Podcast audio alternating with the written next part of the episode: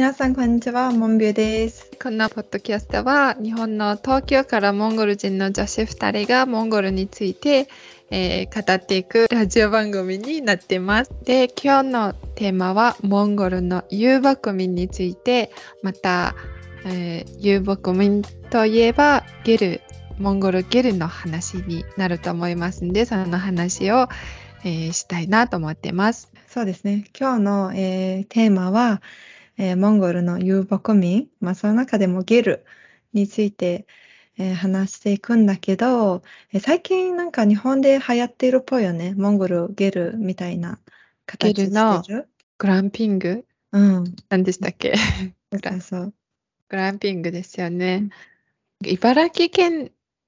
のどこ、ナスナスカとか？うん。なんかその辺にあるって聞いたんですけど、なんかこの間もテレビで出てたし、うん、えー、ゲルってなんか、やっぱり屋根が開いてて、星空が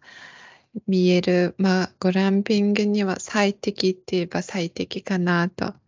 うん、よくあの、思いついたねというかと思ってましたね。で、ゲルは、あの、まあ、移動式遊牧民って移動して、あの、生活していくので、ゲルのその特徴は、えー、簡単に、えー、組み立てるっていうのが特徴ですよね。あと、モンゴルのその激しい、あの季節の中でも、あったかい時にあったかく、あの、快適に住めるし、また、まあ、夏の時も、あの、涼しく過ごせることができる。うんうん、そうだよね。なんか冬になったら、あの、フェルト2枚にするよね。フェルトを、あの、厚くして、もう一枚、あの、で、涼しくなったら、それを抜いて、さらに、その、えー、下から、あの、風入れるために、ね、あの、えー、めくるよね、上に。めくるよね。うんうん。まあなんかじゃあ、ちょっと最初から、ね、最初からっていうか話していこうか。はい。急になんかフェルト2枚にするからね、わ、ね、かんないと思うんですけど。まあまずはまあ遊牧民の話からすると、たまに私聞かれるのが、うんうんあの、遊牧民ってまだいるの？存在してるの？みたいな質問がたまにもらうんですけど、まだまだモンゴルに遊牧民が存在しています。ね。今人口の多分3割ぐらいは、ね、まだまだ遊牧民。で、その遊牧民というのは、まあ、家畜を、えー、買って、その家畜を放牧させるために、あの、全国、あの、移動していくっていうのが、まあ、主かな。うん、でも、そうだよね。あの、遊牧民って言っても、例えば今日は、例えばモンゴルの西、例えば夏は西に住んで、で、冬になったらモンゴルの東に行くみたいな、そういうものはないよね。その一つの県の中、もしくはその村、村の中で移動しながら行くよね。そんななんか何1000キロメートルは移動したりはしない。大体その決まったモンゴル語でソムって言うんですけど、そのソムの中、村の中で移動していきます。うんうん。で、年に大体4回ぐらい。そうですね。昔は4回だよね。今はどうなんだろう。4回する人もいるし、2回？多分あの、最近多分あの、季節の変化がすごい激しい各地で世界中に激しいので、それによってまあ結構変わってる。それに伴って変わってるとも思いますよね。うん、なぜあの4回かっていうと、うん、モンゴルも日本みたいに四季なので、えー、秋、冬、春、夏、4つの季節があって、うん、冬は大体、あの、大体決まってる場所に、うちのおじいちゃんたちも、あ一人のおじいちゃんが遊牧民で、えー、それで冬はだいつも決まってる場所でしたね、うん。うんうん。冬はそんなに移動はしなくて、うんうん、で、春になるなると、うん、そういう草がたくさん入ってるとこに移動していって、その飼ってる家畜、まあ、家畜は、えっ、ー、と、ラクダ、馬、牛、羊、ヤギ、あとヤクを飼ってる家もありまして、だいたいこういう家畜を飼って、それらを放牧させて、まあ、その毛皮とか毛とか、うん、あの、ヤギの毛毛で、あの、カシミヤ、カシミヤ用に売ったりとか、あと、肉として扱ってるとか、まあそういう、それで生活していくんですけど、うんうん、で、その家畜を、あの、ちゃんといい、あの、草をいい環境に育つために、あの、自分、あの、自分たちで家畜に合わせて移動していってるって感じですよね。それで、あの、ずっと、あの、同じ場所で、なんかとどまっていると、その、たくさんのその家畜は大体、なんか銭湯を飼ってるお家はちょっといいお家、まあ、そのたくさん持ってるお家に、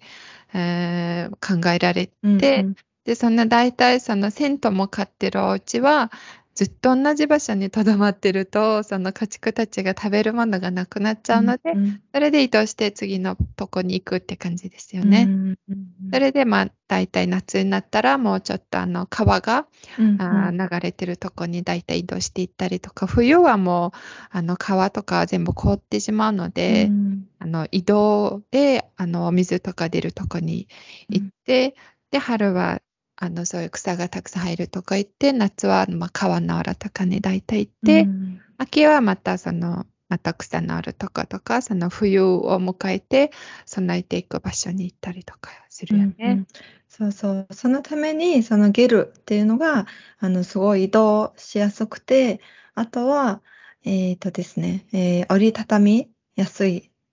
ものなので、うん、それでゲルをあの、冬になったら、そのフェルト2枚にしたりとか、で、夏になったら、あの、1枚で快適に過ごせるっていうものですね。うん、で、大体ゲル、ゲルの中は、えー、全部あります。あの、えー、ベッドからもう台所、ご飯作るところもあるし、寝るところもあるし、そう。で、あとは、えー、大人3、4人で、だいたい5、6時間で組み立てられるので、うん、すごく、うん、あの、簡単っていうか、まあ、そこまで、あの、あの、テントみたいに簡単ではないんだけど、慣れてないと結構難しい。その、キッチンがあるって言ったらみんなちょっと、うん、何？って思うかもしれないけど、それはなんか丸、その丸いゲルの中で、なんかこの辺がキッチン、この辺が寝るところって大体決まってることを示してるよね。そうそうそうそう。あとは、すごいあの、いろいろそういう、あの、ルールっていうか、あの、そういう決まり事がたくさんあるよね。確かに。そう、ゲルにまず入るときに、その、えっ、ー、と、高い、あれなんていうかな。段？最初の段段があって、それ踏んじゃいけないとか。なんか、ドアがあって、そのドアがちょっとなんかちっちゃいんだよね。で、その下の方がちょっと上に上がってて、うんうん、それを踏んじゃいけないんですよね。うんうん、一段上がってるので、それ踏んじゃいけない。あとは、あの、ちゃんと時計回りに、あの、うん、入って、右、右手の右回り右手の方は、その、主婦の、あの、そのキッチンみたいな、そういうご飯作るあのスペースなので、そこにはお客さんはそっちに行かないよね。うん、行っちゃいけないというか、うん、まあ、まん丸くてどこにも行けちゃうような感じなんですけど、その入って右手の方は、その奥さんのスペースなので、うんうん、そっちには行っちゃいけなくて、まずお客さんが入ったら左手に進みますよね。それで、あのあの、まあ、真ん中あたりに柱2本あって、うん、その柱2本よりまで、あの、上にの上がっちゃ、あんまり良くなくて上がったら、うん、で、その、ご主人がどうぞどうぞ上に上がってって言えば、まあ、その柱より超えたとこに行くことはできるんですけど、うん、まあ、大体みんな左手のその柱よりちょっと下がった方に座りますよね、お客さん。うんうんわそう、そうだね。で、えっ、と、ご主人さん、その家の、え主が一番、あの、上、あ上座そうに座って、あとは、あとは、その奥さんはその神さんのとこ座れないよね。モンゴルってあのやっぱり日本も昔からそうなんですけど、その、ご主人さんの方が、まあ、偉いっていう立場がモンゴルも一緒で、奥さんが今、今はそんなに、そこはそんなに厳しくないと思うんですけど、そういう決まりがあって、ももちろんお客さんも、奥さんすらそこに、その神さんに座れないので、お客さんはもちろん、あの、その一番奥の方に座れなくて、大体その、あの、仏様とか亡くなった人の、うんうん、あの、お写真とか飾ってありますよね、一番上に。で、そこに、まあそういう大事なスペースなので、まあその家の主人が座ったりしますよね。うん、あとその、あの、移動するとき何で運ぶの？っていう話が気になると思うんですけど、昔はラクダ5台で全部ばらして、うん、あの、お荷物とか、全部うまくまとめて、そのラクダってすごいあの重い荷物を運ぶ、運ぶにはあの適してるので、ラクダ5台ごごと、ラクダごとに全部、うん、あのうまく分けて、あの、うん、積んで移動してました。私もそれすごい子供の時何回か見たことがあるんだよね。あの、夏休みにおじいちゃんのお家行くと、もう引っ越しするよ、移動するよって言って、じゃあどこら辺にあの引っ越しするかっていうのを、あの、おじいちゃんがちょっと馬に乗って、うん、ちょっと下見みたいな,、な感じで行って、うん、あじゃあそこ草よく入ってるからそっちに行こうってなって、うん、でも決まりってなって、なんか何日間ちょっと、まあ何日間しないのもあるかも、もう即決でじゃあ移動する、引っ越しするってなって、で、お母さんとか、あのお姉さんたちが、あ少しずつ片付けをしたりして、それでも今日は、あとね、なんかいい日を見見るんだよね。確かに。縁起のいい日。縁起のいい日見て、じゃあこの日引っ越すってなって、で、決めて、引っ越して、あラクダに乗せて、ね、他の人たちは、あの、馬で移動したりで、それで、まあ、車があるお家は、あの、その、先頭にそのラクダごとを、あの、結んで、なんかそういううん、何か結んで一番先頭のラクダをそういうあお父さんが馬に乗って引っ張っていきます。で他の人たちは、まあ、自分のあの馬だったり車とかで移動して先に行ってみたいな。うん、で荷物をあの下ろしてもう一日中で引っ越しできちゃうよね。うん、そうそうそう。そう。それでなんか面白いのがそういうあの、ラクダで引っ越ししてる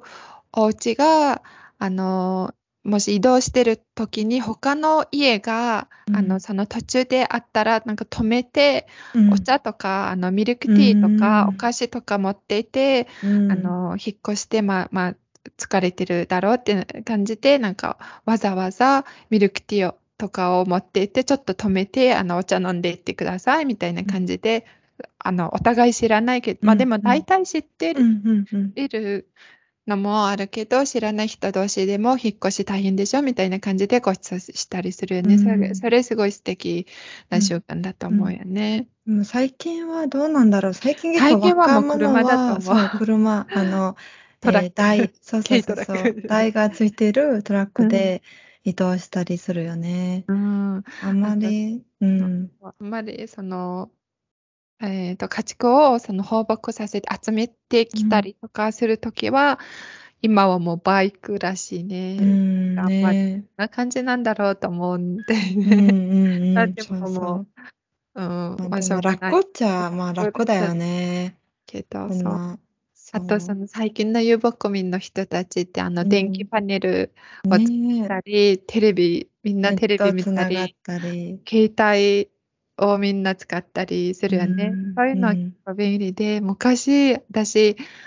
覚えてるんだけども、どんだけ昔のっていうことなんだけど、なんか、行ったら、私、自分の両親と夏休みとかなって、おじいちゃん、おばあちゃんの家に、私多分、小学校にも入ってなかった頃だと思う。うん、覚えてるんだけど、なんか手紙を書いて、その田舎に行く人にこれを持って行ってくださいみたいな、その手紙をお母さんが渡して、うん、あの、すごいなんか、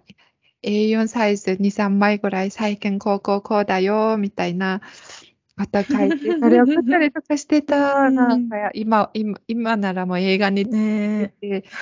あのシーンなんだけど、それで、あの、大体子供たちは保育園でこう終わって、まあ、学校入ってなかったから、大体何月ぐらいにそっちに行こうと思ってます、みたいなこと言って、うん、それで、大体今じゃ5月だからこの日にいるかなっていう言ったらいなかったりするよね、普通の。そうそうそう。それで探すよね。探してすごい。そうそうそう。本当に、あの、モンゴルの人、モンゴル人のその土地勘の感覚がすごいよね。なんか、もう、なんだろう。例えば、あ、近々この辺にあるって言っても、多分田舎の人の感覚では、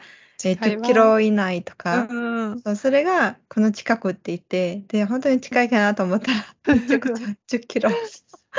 あそこの丘を越えたとこにいますよとか言ったら、もう車で何めちゃくちゃ遠い。5時、5、6時間ぐらい走るとこに。で、なんか、あとは面白いのが、あれだよね。引っ越すとき何かの、あの、許可とか、その土地の、例えば、家賃とか、そういうのがないよね。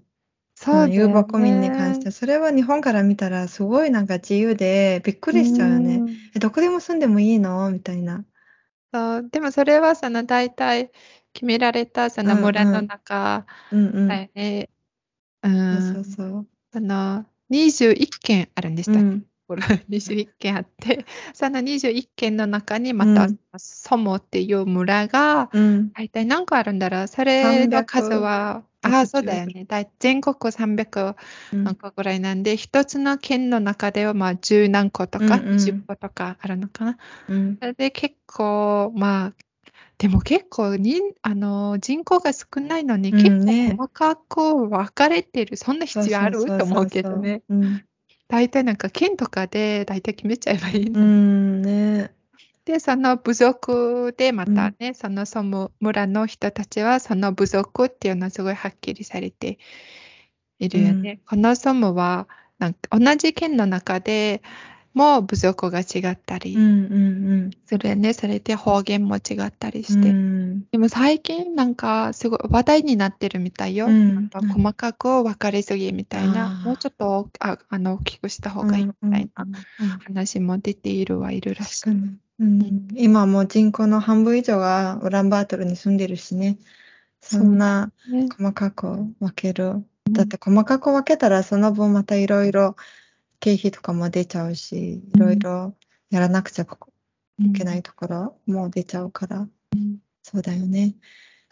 で、うん。で、遊牧民の人たちが、あれだよね。あの、私結構あの、えーちっちゃい頃覚えてるんだけど、あの、ウランバートルにあの出てきた時、すごい本当にびっくりするよね。もうなんか、すごいあの、おばあちゃんで、ウランバートルにあの来て、それで急に血圧が上がったりとか、そういう、なんか、ウランバートルのそういう忙しい生活リズムにならなくて、そういうのもあるよね。なんか、あとは、あの、えーその地方で高校を卒業して、それで、あの、えー、ウランバートルに出てきて、あの学生として、大学生で出てきて、本当に右手も左も分からなくて、うん。うん、なんか大体見た目とかで分かるよね。それで、モンゴルのあの入学、新入学式は9月なので、9月1日なので、なんか9月が近くなってくると、なんかそういう田舎から来る新しくウランバトルにえっ、ー、と、東京だ、日本だったら上気をするっていう、うんうん、そういう子たち結構いっぱい来たりとか、うん、ね。うん、ウランバトルでそういう住むお部屋のニーズが高まったりとか、そうそうそうそう。たまにあの日本で知り合ったあの子たちが、うん、そういう田舎育ちの子で、私、ウランバトルのことあんまりわかんないとかいう子がいて、なんかウランバトルで乗り換えて日本に来ちゃいましたみたいな。確かに。あの、あれ、あの国内便 乗り換えて、それで直接日本に来た。直接日本に来ちゃいました、みたいな子いるよね。で、オランバトルの話したらあんまりわからないみたいな。うん、ねなんかそれの逆もあるよね。なんかオランバトルに育った人が逆に遊牧民のうちとか、田舎行ったら、なんかそこの習慣とか、詳しい習慣とか、全く多分知らないと思う。今の若者とか。うんうん、最初からずっとオランバトルにいる子は、本当に知らないと思う。教えてもらわないと、なんか本当に外国人同様。まあでも、大体例えば、まあ分かってるっちゃ分かってるんだけど、なんか、その、例えば、じゃあ、このゲルを組み立ててくださいって言われても。それはもう無理みたいな。ねそうそう。多分、モンゴル語で、その、ゲルのいろんなそのパーツを、なんていうのか、それすらもあんまり分かってないかもね。ねなので、もうちょっと、あの、この遊牧民っていう文化が、本当にすごい素敵なので、多分、しいよね。そう、世界モンゴルしかないんじゃない？この遊牧民。うん、なので、これを、本当にあの受け継ぐためにも今の若者たちも、うん、しておけば、うん、最近でもちょっと逆に、うん、田舎に行ってる人たちってね、ちらほら聞くようになったよね。うん、あの公共線が結構大きな理由だよね。大気汚染、うん。うんうん、大気大気汚染が理由で子供たちをウランバートルに住ん、育てるにはあまり健康的な環境じゃないって感じで田舎に行ってる人たちも増えて、うんうん、なんかなんかあの YouTube とかやってる家族がいる。そうそうそう。モンゴリア遊牧民の家族みたいな。そこすごいなんか面白くて羨ましいと思ってる。うん、なんか全国ネネットとかつながってるから、配信。ね、配信もできるし、うん、でもなんか、まあ、インフラがね、あんまり動いてないので、その水道だったり、うん、あと、私、そう、一番大きい問題が教育。本当に子供の教育がそこでやっぱり、なんか親は別に、なんだろう、仕事をしようと思えば、まあ何らかの仕事、まあ、技術とか能力あればできるじゃない？ネットで。うん、でも子供の教育が本当に、にそう、それで大体みんなもう住みたくても住めないみたいな。もう子供の教育がやっぱり一番最先なのがオランバートルに集まっちゃってるので。そうだよね。うん、今オランバートルってすごい家賃とかも高いじゃない？あと、うん、そう、物価も高いし、なので、田舎、もし仕事と教育、学校があれば、もうあの、移動しても私いいなと思う。オランバートに別にいい、うん、いる必要がないっていうか、うん、もうちょっと田舎行って住みたい。もう渋滞もすごいしね。渋滞もすごいし、なんか、あんな広い土地がある国なのに、あんなちっちゃい町でごちゃごちゃになって住む必要はと思うけどね、もう。本当にインフラがきだってなくて、なんか欲しいものとか、日本だとどどの田舎でもアマゾンでポチれば何でも家に届いちゃうけど、モンゴルはそういうのはないから、まあ広すぎて人口も少なすぎるっていうのもあるけど、まあでもなんかそういうのをうまくやって、なんか住めないことはないけど。うんうんうんうん。そうだよね。はい。では、えっ、ー、と、今日のポッドキャストは、えっ、ー、と、私たちがモンゴルの遊牧民、その中でも、まあ、ゲルについてだったりとか、今のそのウランバートルと、えっ、ー、と、田舎の違いだったりとか、まあ、そういうことについて、まあ、あと問題もちょっと話しましたよね。で、それについていろいろ、えー、自分たちの考えを、えー、言ったので、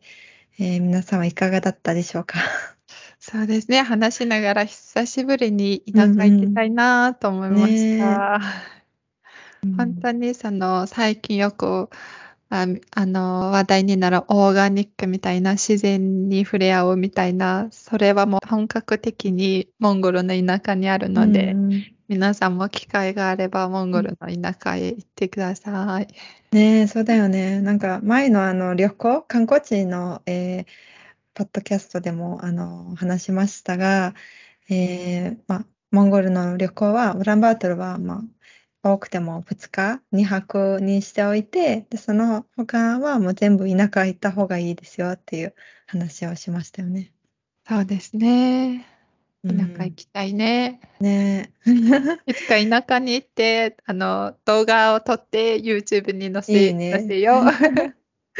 じゃあ皆さんももしあの、モンゴルのゲルに泊まったみた、えー、経験したことあるよとか、あとは、えー、ユーパコミについて何か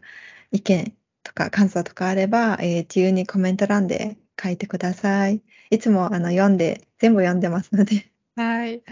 それでは次のポッドキャストまでまたね。はい。またね。ありがとうございます。